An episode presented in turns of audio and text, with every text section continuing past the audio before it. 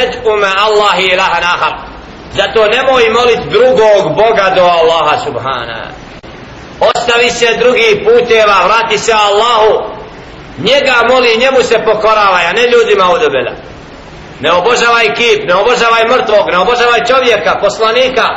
Moli Allaha jednom. Fela ted'u ma Allahi ilahan nahar nemoj uzima drugo božanstvo mimo Allaha pa takuna minal muazzabin pa da budeš kažnjen. wa anzir ashirataka al-aqrabin i opomeni svoju bližu rodbinu ovdje naradba Muhammedu alaihi salatu wasalam da pozove svoj rod na čist din na slijedjenje čiste vjere i robovanja Allahu jednom subhana واخفض جناحك لمن اتبعك من المؤمنين budi ponizan onima koji te budu slijedili od vjernika znači ovdje vidimo blagost, poniznost u rodbini prema kome? prema onima koji vjeruju s nama. Znači prema njima imamo poseban tretman. Bliskost, vjernici znači jedni drugima. Fa in asauka fa kul inni bari'um ma ta'malun a ako oni se ne odazovu i ne budu prihvatili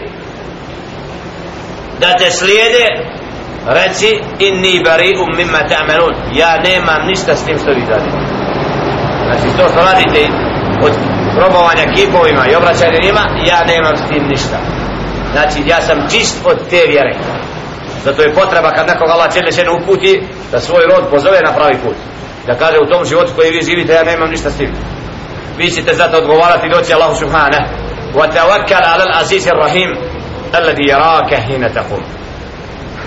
I čvrsto se osloni na Allaha subhanahu wa ta'ala veličanstvenoga, milostivoga koji te vidi kad ustaješ i kijam činiš. Kad ustaneš i klanjaš Allahu subhana rob kad ustane i okrene se prema kibli ka Allahu akbar i slavi veliča Allaha u svojoj prostoriji gdje se nađe. Znači vidi Allah subhanahu wa ta'ala tog roba koji mu je pokoran. Da to počast je da čovjek robuje Allahu subhanahu wa ta'ala na svakom mjestu da dokaže da ima stvoritelja subhana koji ima predan i pokoran. Allah djelle šenu zna to. Wa taqallubaka fi sajidin i da budeš od onih koji ponizno na seždi Allahu pada. Znači Allah subhanahu wa ta'ala zna da Muhammed a.s. dok Allahu pada na seždu dok je pokoran.